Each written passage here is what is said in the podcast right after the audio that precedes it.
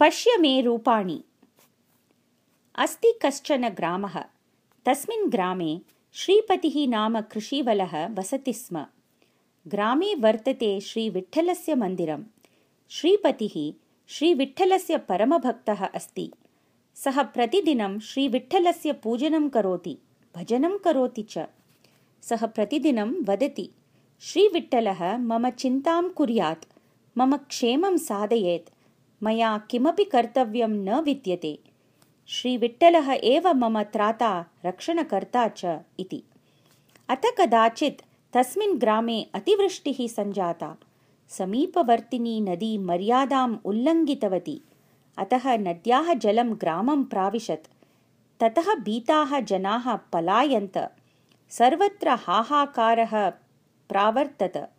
तथापि श्रीपतिः ग्रामं न अत्यजत्। गृहमपि न अत्यजत्। सः चिन्तयति विठ्ठलः एव मां रक्षिष्यति मया चिन्ता करणीया नास्ति इति। अकस्मात् एकं जीपयानम् आगतम्। ग्रामजनाः सर्वे त्वरया तस्मिन् याने उपविष्टवन्तः। जीपयानं श्रीपतेः गृहस्य पुरतः अतिष्ठत्। यानचालकः श्रीपतिं प्रार्थयत शीघ्रं प्रस्थीयताम् विलम्बः विनाशाय भवेत्। श्रीपतिः तु यानचालकस्य प्रार्थनां तिरस्कुर्वन् अवदत् श्रीविठ्ठलः मम रक्षणकर्ता सः मां निश्चयेन रक्षिष्यति इति। यानचालकः निरूपायः सन् ततः अगच्छत्। जलस्तरः अवर्धत। श्रीपतेः गृहम् आप्लावितम् अधुना श्रीपतिः गृहस्य उपरि तिष्ठति। अकस्मात् एका नौका तत्र आगता। अवशिष्टान् जनान् नेतुं नौका प्रायतत। नौकाचालकः कौशलेन नौकां श्रीपतेः पुरतः स्थगयित्वा उच्चैः अवदत् त्वरां कुरु। उद्गतः अस्ति जलनिधिः। प्रवृद्धः दृश्यते प्रवाहवेगः। प्रमत्तः वायुः। आगच्छ नौकाम् आरोह। श्रीविठ्ठलः एव मां रक्षिष्यति।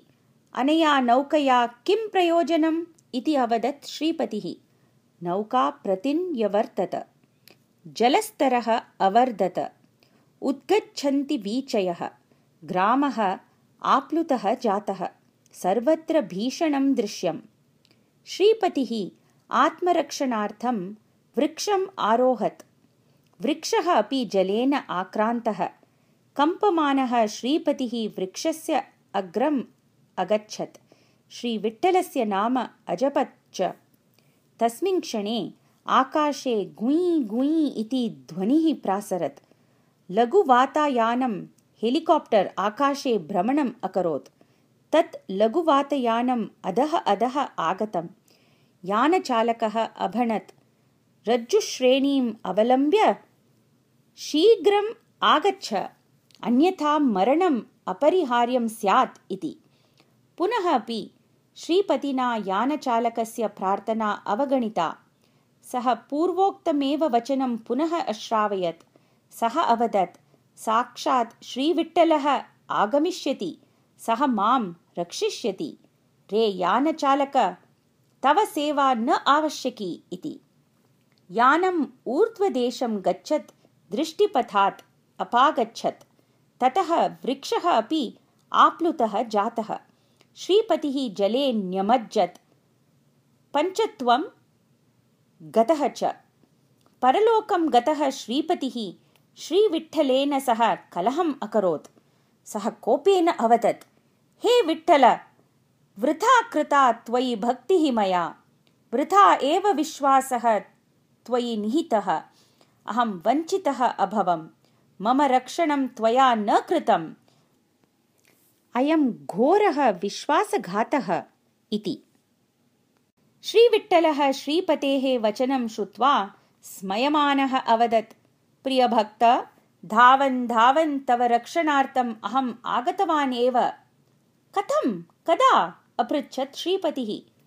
न एकवारम् अपि तु त्रिवारम् इति अवदत् श्रीविठ्ठलः कथं मया भवान् न दृष्टः? एकदा जीपयानं गृहीत्वा पश्चात् नौकाम् आनीय अनन्तरं लघुवातयानेन च सह अहम् आगतवान्। कथं न ज्ञातं मया? भक्त न ते दृष्टिः उचिता। अहं केनापि रूपेण आगच्छामि। भवता अहं ज्ञातव्यः द्रष्टव्यः श्रोतव्यः च। एतत् श्रुत्वा श्रीपतिः अनुतापम् अकरोत्। अतः विद्यते महाभारते श्लोकः। न देवा दण्डमादाय रक्षन्ति पशुपालवत्। यं तु रक्षतुम् इच्छन्ति बुद्ध्या संयोजयन्ति तम्